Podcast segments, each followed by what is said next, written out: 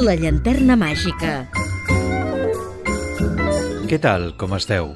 Benvingudes i benvinguts una setmana més a La Llanterna Màgica, el programa apte per tots els públics, edició número 238 des dels nostres inicis i 12 d'aquesta setena temporada.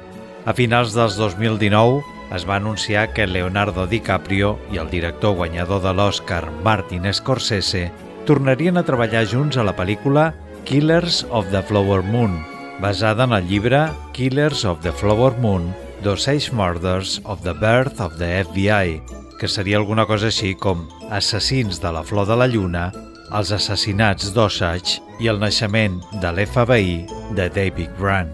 Coneixent Scorsese, sabíem que comptaria amb un elenc impressionant d'estrelles per la seva pel·lícula, però no podíem ni arribar a imaginar que a DiCaprio se li uniria ni més ni menys que Robert De Niro, un altre dels seus actors fetitxe, DiCaprio va tenir l'honor d'entregar el Premi Honorífic a tota una vida al seu col·lega De Niro durant els premis del Sindicat d'Actors de l'any 2020.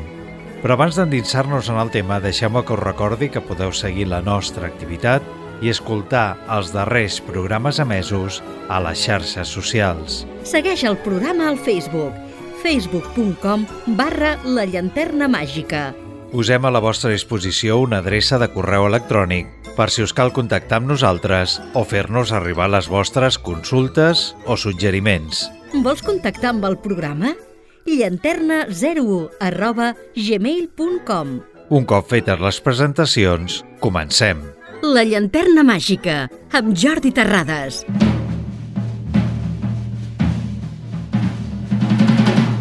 Arran d'aquesta notícia, ens hem plantejat que ja començava a ser hora de fer un recorregut al llarg de la filmografia d'Escorsese a través de les bandes sonores de les seves pel·lícules. Així que, al llarg de dos programes, aquest i el de la propera setmana, repassarem gran part de la seva filmografia i parlarem de títols tan importants al llarg de la seva trajectòria com Toro Salvaje, Taxi Driver o Uno de los Nuestros, entre d'altres. Quien llama a mi puerta va ser la primera pel·lícula de Martin Scorsese com a director. En ella, J.R. és un jove italoamericà sense feina que, malgrat això, està satisfet de la vida que porta amb els seus companys al barri novaiorquès de la petita Itàlia. Però quan s'enamora d'una dona amb estudis, es veu obligat a replantejar-se la vida. Protagonitzada per un dels seus actors fetitxe, Harvey Keitel, el director roda un film ple de simbolismes. Destaquen els moviments de càmera que recreen els carrers de Nova York i la fotografia en blanc i negre de Richard H. Cole i Michael Watley. Nos bajamos a todos. Nos bebemos la sangre Saca lo que tengo encima, que yo no te tengo miedo a ti. Palo nada más. Todo el mundo te tiene miedo en La Habana, caballero, pero yo... Y no, pie no. tengo yo. A mí no me importa que tú tengas siete pies. ¿Qué es lo que pasa? ¿Qué es lo que pasa, Guatuto? Dime. Conmigo no, porque yo de los guapos me río. Ah, ah, ah, ah, ah, ah, ah. Como te me río en la cara, Guatuto. A correr. Bien. Nos bajamos, nos bajamos.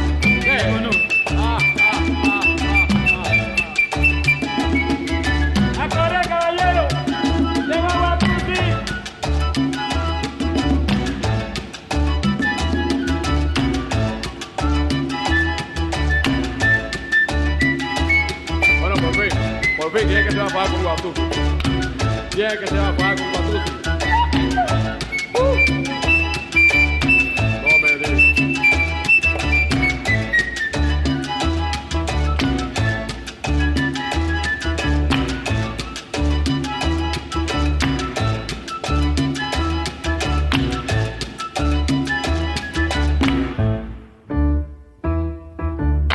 Caballero, nadie se va a pagar con Guatusi.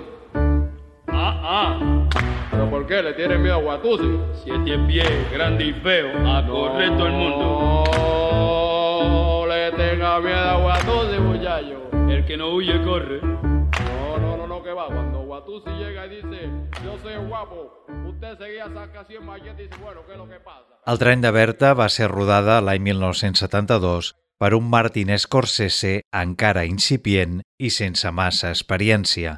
Basada en les memòries novel·lades de Boxcar Berta, que dona nom a la pel·lícula en la seva versió original, explica la història d'una jove òrfana que durant la Gran Depressió s'associa a un sindicalista del sector ferroviari. Davant els problemes amb les vagues i els sindicats, Bill Shalley, el sindicalista, Berta i un parell d'homes més formen una banda criminal que es dedica a saltar trens per donar aquests diners al fons per finançar les vagues i això els porta a que se'ls persegueixi per comunistes i criminals.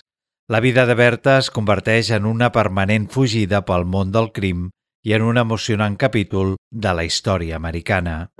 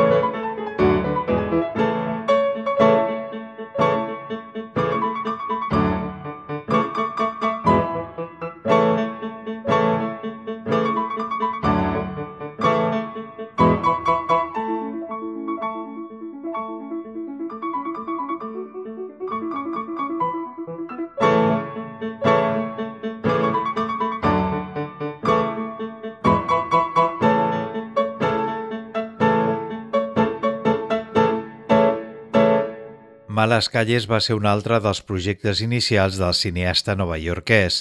La difícil situació professional que travessava a principis dels anys 70 i la necessitat íntima de fer un cine personal entrava en conflicte amb les complexitats de la indústria d'aquell moment.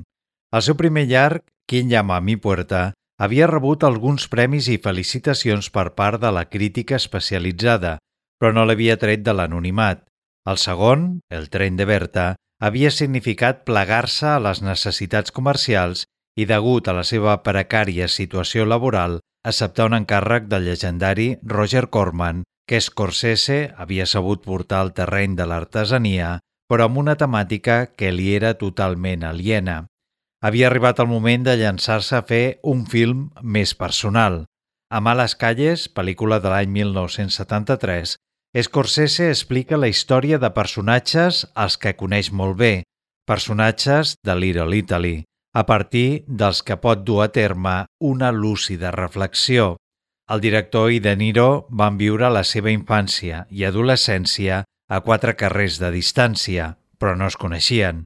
Així que, quan Brian De Palma es va presentar, molts anys després, estaven segurs d'haver-se vist moltes vegades pel carrer.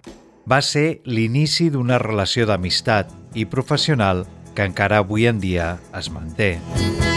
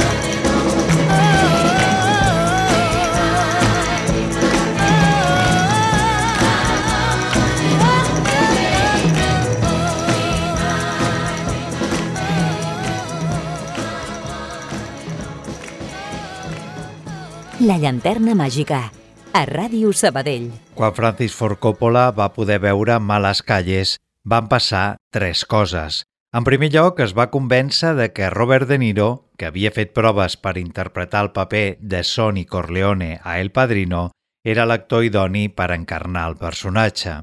En segon lloc, es va plantejar la possibilitat de que Scorsese dirigís la segona part del Padrino, tot i que finalment no es va materialitzar. I en tercer lloc va convèncer Ellen Barstein per protagonitzar Alicia ja no vive aquí. Aquest era el primer treball del director per la indústria de Hollywood amb un pressupost important i amb un gran estudi al darrere com la Warner. El film, que té poc a veure en qualsevol cosa que el director havia rodat anteriorment i de gran part del que rodaria després, no es tracta ni de bon tros d'un dels seus films més famosos, però no deixa de ser una pel·lícula interessant. Alicia ja no vive aquí s'erigeix, sobretot, en un dels relats femenins més rics i complexos de tota la filmografia del realitzador.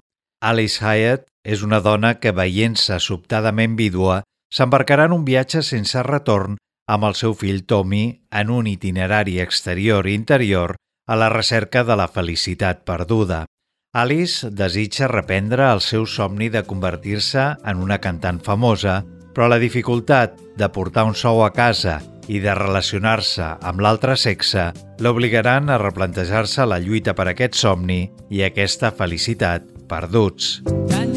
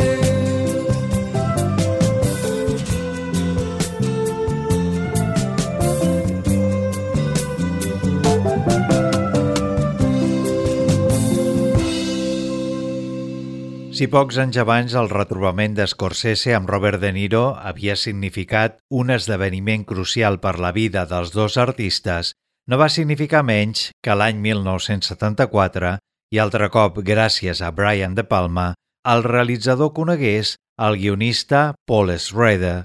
Escriptor d'històries de redempció i violència extremes, Schrader explica sovint com va concebre Taxi Driver en un estat maníaco-depressiu provocat pels seus problemes sentimentals amb la seva exdona i amb una altra relació recent, Schroeder s'havia llançat als carrers de Los Angeles.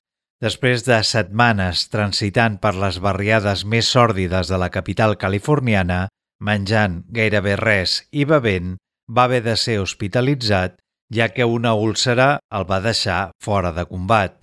Un any després escriuria la història de Travis Bickle, expressant el síndrome absolut de la soledat urbana.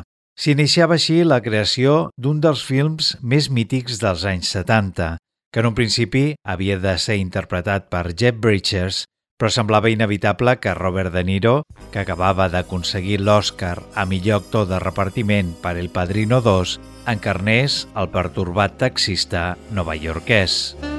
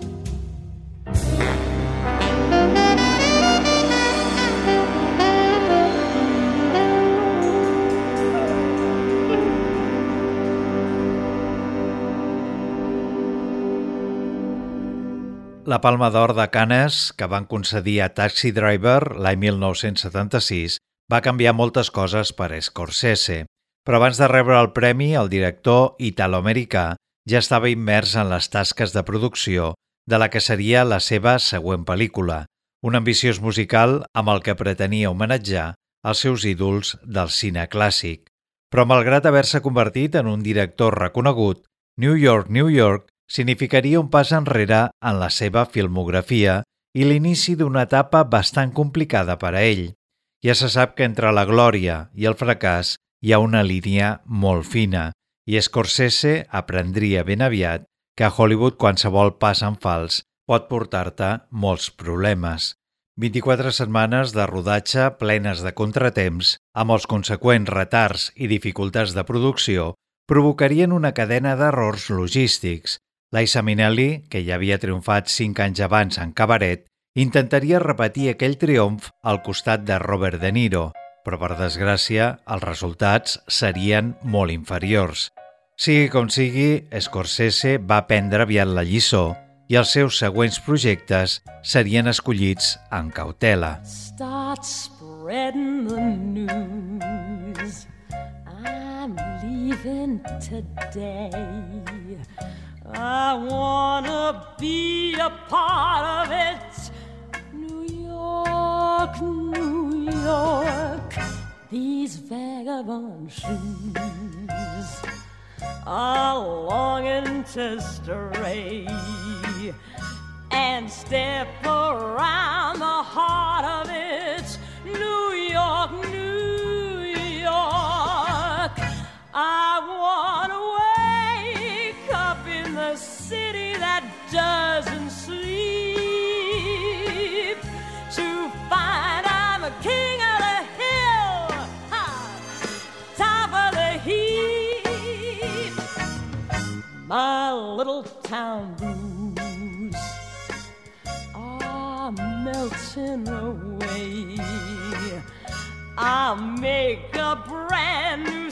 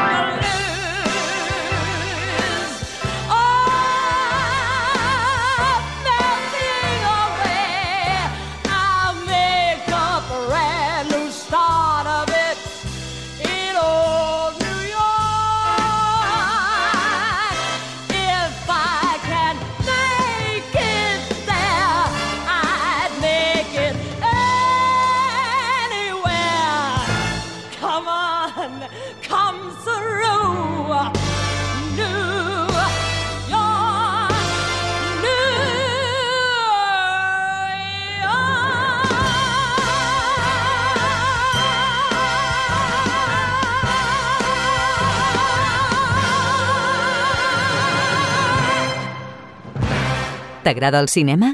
La llanterna màgica. Molt havia canviat la situació d'Escorsese en els darrers 10 anys, entre finals dels anys 60 i finals dels anys 70, amb importants fites artístiques assolides amb la Palma d'Or de Canes i el màxim respecte dels seus col·legues de generació.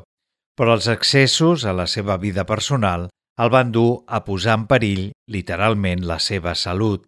Es va divorciar, el mes de setembre de 1978 va ser ingressat en un hospital amb diagnòstic d'hemorràgia interna i tot això mentre Schroeder finalitzava el guió de Toro Salvaje.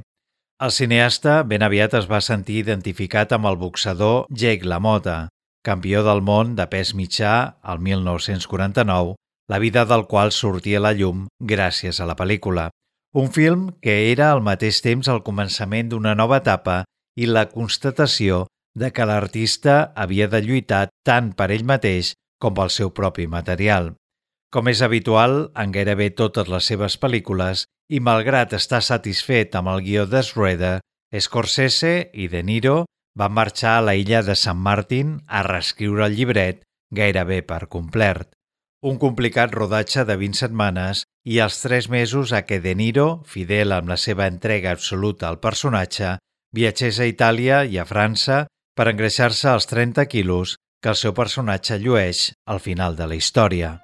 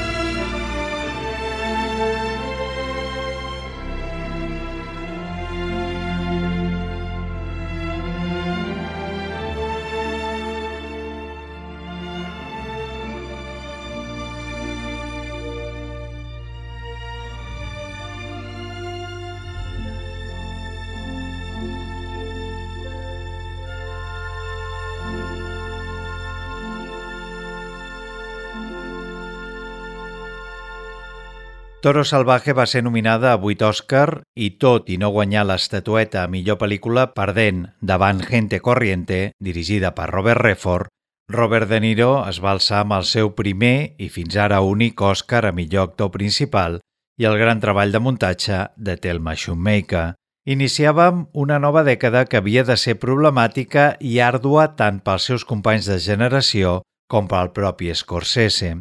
Molt s'ha comentat sobre el declivi de la indústria en aquesta època. El guió del rei de la comèdia, del que és autor Paul D. Zimmerman, havia caigut a mans del realitzador bastants anys abans, però el va rebutjar. De Niro va insistir-li amb el guió i finalment s'ho va pensar millor i el va acceptar. Després de diverses opcions, van arribar a la conclusió de que l'actor i showman ideal per interpretar a Jerry Lanford era Jerry Lewis. Que en aquells moments ja tenia 55 anys. Un prodigiós Robert De Niro, en una de les seves més brillants i oblidades interpretacions, dona vida a Rupert Packin, aspirant a còmic capaç de qualsevol cosa per tal de que li donin una oportunitat. De Niro, al costat de Jerry Lewis, que està sensacional i molt sobri, crea un duet que sedueix i atrapa l'espectador. I found a picture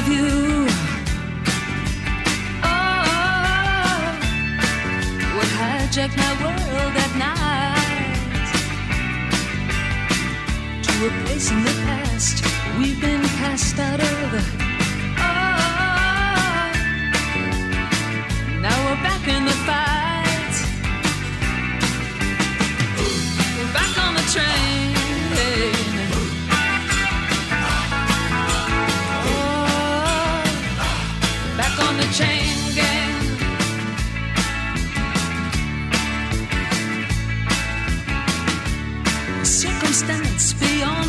Control. Oh, the phone, TV, and the news of the world. Got in the house like a pigeon from hell. Oh, through sand in our eyes and descended like flies. Put us back on the train.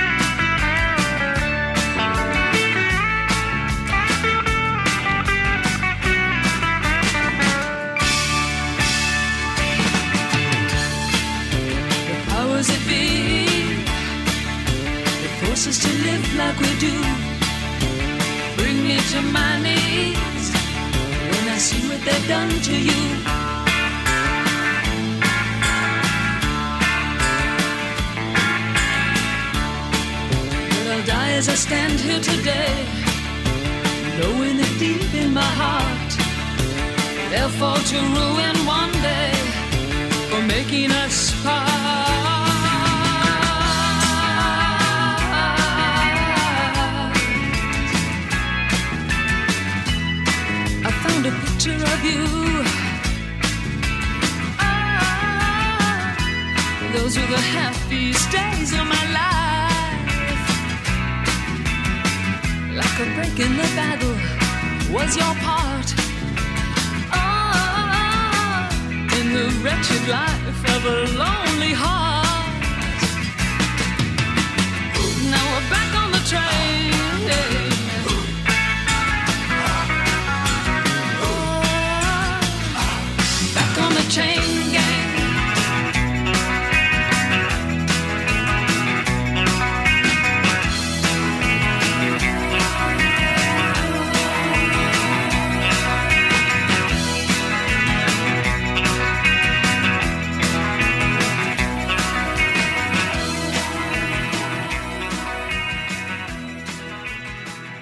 Tres anys després del rei de la comèdia i a més de la situació ja comentada anteriorment, en què es trobava el cine d'autor al sí de Hollywood, no es pot dir que Scorsese tingués les coses fàcils. Havia tallat a sang i foc una sèrie de pel·lícules d'una gran qualitat estètica, però a part de Taxi Driver, no havia conegut cap èxit a taquilla, més aviat tot el contrari. Però Scorsese es va mantenir fidel a si mateix, un dels aspectes del treball creatiu del director i que d'alguna forma la germana amb els seus anhelats mestres és la seva coneguda necessitat de retocar els guions que li proposen, fins a quedar plenament satisfet. El guió de Joseph Minion, autor de Lies, Mentides, que posteriorment passaria a anomenar-se La última tentació de Cristo, necessitava passar per aquest procés de transformació d'una escriptura massa literària a una expressió més audiovisual. I això requeria un temps. És per això que, paral·lelament, el cineasta va tenir la necessitat de traslladar-se a Nova York. Aquesta tornada a la seva ciutat natal, a les seves arrels, es tradueix en posar-se de nou al darrere de la càmera per rodar After Hours, un relat sobre una absurda i rocambolesca nit novaiorquesa, on a un llupi apocat i tímid li succeeixen les barrabassades més inversemblants. Amb ella, Scorsese es va endur el premi a millor director al Festival de Canes.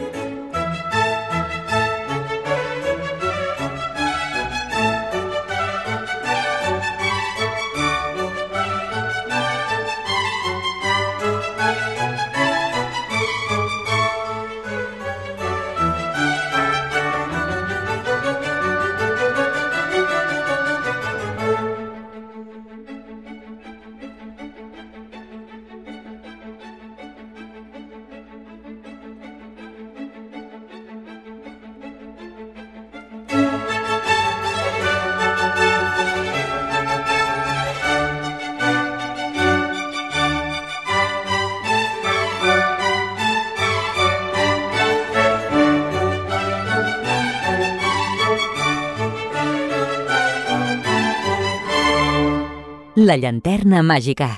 Disponible a Spotify, Apple Podcast i iVox. Si tu ets Martin Scorsese i t'arriba la proposta de perllongar el mite cinematogràfic d'Eddie Felson per part de Paul Newman, hi ha poques possibilitats de que rebutgis el projecte.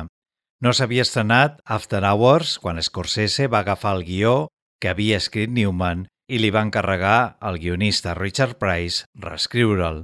El nou guió de Price va deixar molt més satisfet el realitzador, que necessitava narrar l'existència d'un Felson molt diferent al que apareix al Buscavides, producció de 1961. D'aquesta forma, Scorsese evitava qualsevol possible al·lusió a un remake o seqüela. El color del dinero havia de ser una pel·lícula completament autònoma. Però les comparacions havien de ser inevitables, el Buscavides és un dels films capitals del cine americà dels anys 60 i El color del dinero s'erigeix en un poderós retrat de l'ambició, el pes del passat, la redempció i el retrobar-se amb un mateix. Pot semblar sorprenent, però la Fox no volia Tom Cruise com a company de viatge de Newman. Alguns dubtaven de la capacitat de l'actor per participar en una producció tan important. Però Scorsese no va tenir mai dubtes de que l'actor era l'idoni per interpretar a Vincent Loria. El tercer vèrtex d'aquest triangle el va ocupar la gran actriu Mary Elizabeth Mastrantonio per l'astut i manipulador personatge de Carmen. I saw a werewolf with a Chinese menu in his hand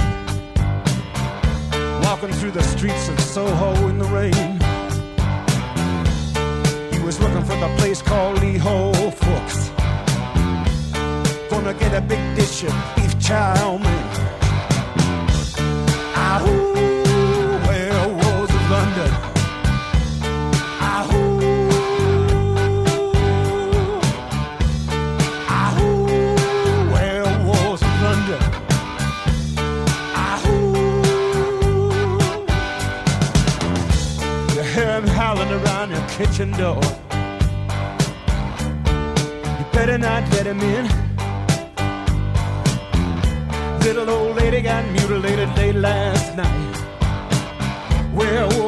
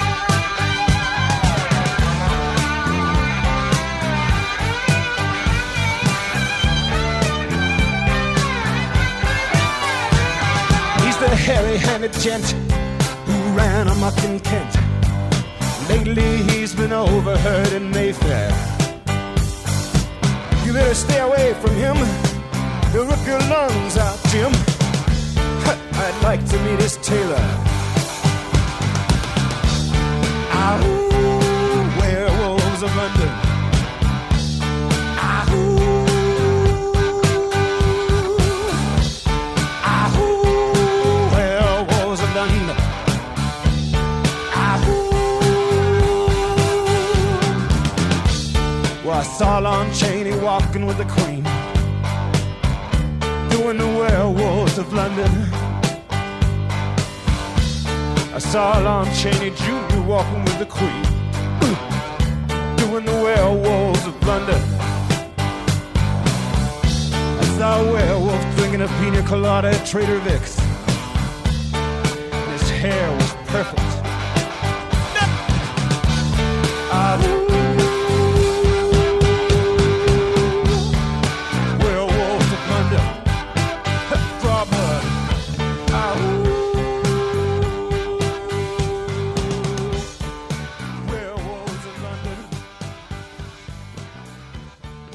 Quatre anys després del primer intent de tirar endavant el projecte de la última tentació de Cristo, Scorsese tenia poques esperances de que algun dia es fes realitat. Per un home com ell, provinent d'una tradició tan catòlica que fins i tot s'havia plantejat fer-se capellà en la seva joventut, aquesta pel·lícula era com un desafiament personal. Més encara quan la novel·la de Nikos Kazantzakis encaixava amb la seva idiosincràsia artística i quan li permetia elaborar un discurs sobre un Jesús molt més personal i allunyat, en certa forma, del que es podia esperar d'un relat d'aquestes característiques. Però les pressions dels grups catòlics més integristes no li posarien les coses fàcils, i la indústria del cinema tampoc, amb una reducció del pressupost inicial a la meitat. L'actor que havia d'interpretar Crist inicialment era Aidan Quinn, però a darrera hora es va fer enrere aduint que li havien aconsellat a causa de l'enorme pressió integrista que no participés a la pel·lícula.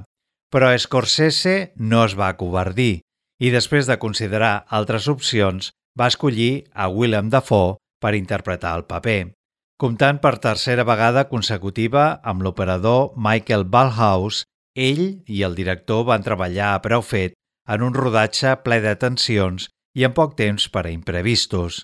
El formidable treball musical de Peter Gabriel acompanya les imatges i serveix com a catalitzador d'emocions quan la imatge ja no arriba més enllà.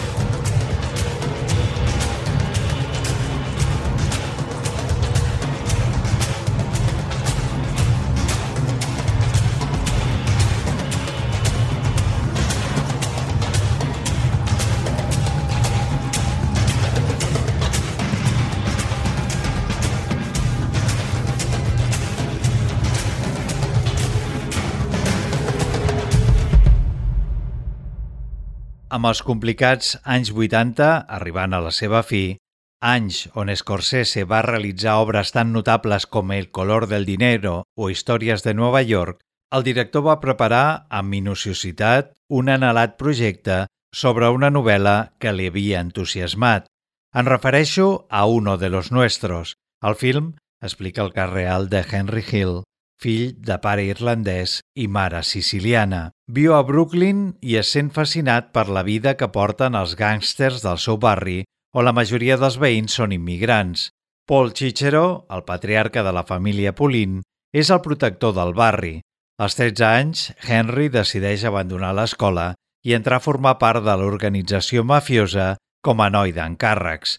Ben aviat s'anirà guanyant la confiança dels seus caps, gràcies a la qual cosa anirà pujant de categoria. La pel·lícula va estar nominada en sis categories i Joe Pesci es va endur un Oscar pel seu personatge de sàdic assassí que va marcar la seva carrera posterior. I fins aquí el que ha donat el temps per avui rebeu una salutació de qui us ha estat acompanyant al llarg d'aquest programa, Jordi Terrades. Com sempre us diem, gràcies per la vostra atenció, sense vosaltres no seríem res i us esperem a la propera edició de La Llanterna Màgica. I know I'd go from rags to riches if you would only say you care. And though my pocket may be empty, I'd be a millionaire. My clothes may still be torn and tattered, but in my heart I'd be a king. Your love is all that ever mattered. It's everything.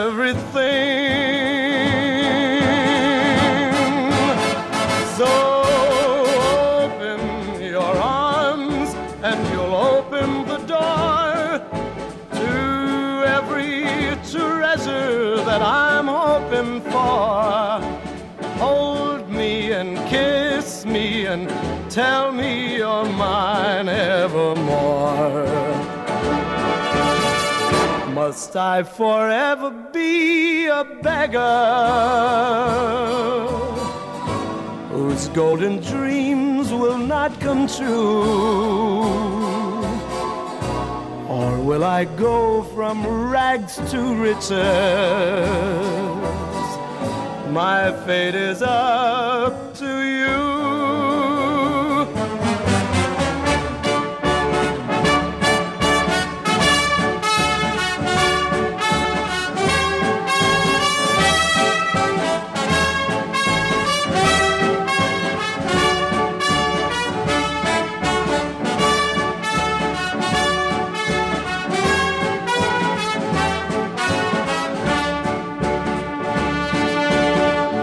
Must I forever be a beggar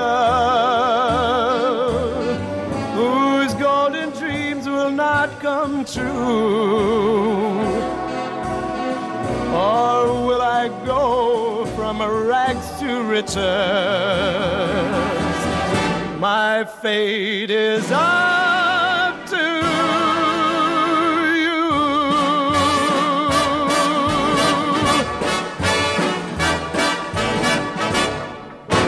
La llanterna màgica, amb Jordi Terrades, a Ràdio Sabadell 94.6.